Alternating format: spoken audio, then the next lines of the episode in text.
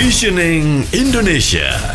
Cuk Sukiyadi, Ekonom Universitas Airlangga.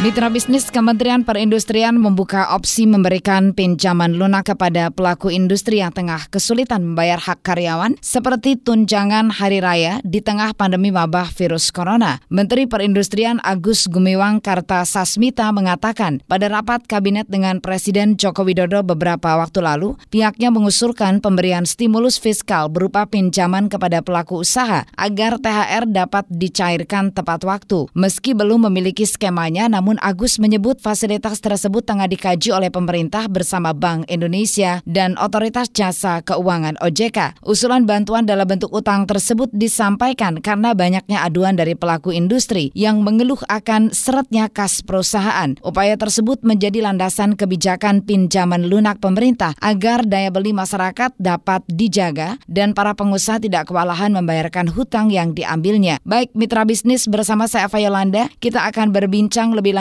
tentang hal ini dengan ekonom Universitas Erlangga Cuk Sukiyadi. Pak Cuk, bagaimana Bapak menanggapi persoalan ini? Ya tadilah ada edaran dari Menaker ya bahwa perusahaan boleh mengurangi gaji karyawan dan sebagainya ya. Saya pun terus saja di yayasan yang di mana saya menjadi pembinanya terpaksa kami mengurangi gaji karyawan karena kami kan jualan jasa. Jasanya selama 2-3 bulan ini kan tidak laku. Banyak pesanan yang dibatalkan ya. Lalu apa yang mau dipakai bayar ya. Jadi ya terpaksa. Kita kumpulkan karyawan, kita beritahu ini kondisi kami seperti ini. Kami tidak mampu lagi membayar penuh Anda. Termasuk juga THR nanti. Jadi saya kira Pak Jokowi boleh menghimbau, tapi perusahaan-perusahaan itu punya masalah sendiri-sendiri, punya kondisi yang merupakan kondisi sin qua non ya, yang tidak bisa ditawar lagi kan gitu ya. Jadi ya sudah, ya inilah tentu saja mestinya kalau sudah ada perusahaan yang sangat tidak mampu dan terpaksa misalnya apa itu memberhentikan karyawannya, nah ini pemerintah yang harus cawe-cawe ya, dengan program-program unemployment benefit akibat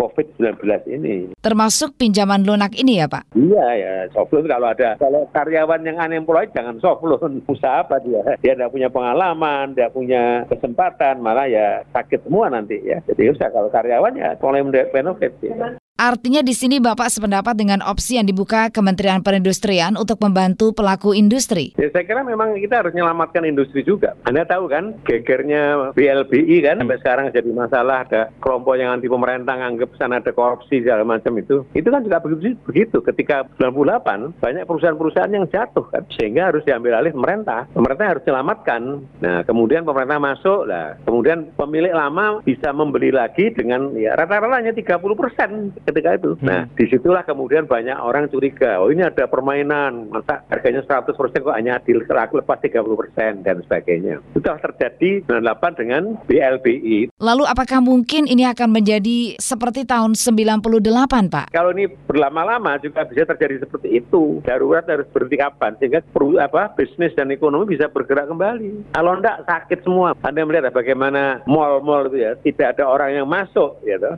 Dan Anda tahu orang sekarang paling banyak yang nomor satu adalah apa? Beli makanan dan obat, buah, ya kan? Tidak ada orang beli baju, beli ini, beli itu. Belinya adalah makanan, buah, obat. Saya pikir Jokowi harus mencari ilham bagaimana ini harus segera keluar dari sini. Kalau kita terbuai dengan model-model ini terus, ya nggak akan kuat. Pengusaha-pengusahanya nggak usah mengatakan mereka sampai akhir Juni. Kalau sampai akhir Juni tidak ada perubahan, ya mereka akan give up. Demikian ekonom Universitas Erlangga Cuk Sukiadi, saya Eva Yolanda.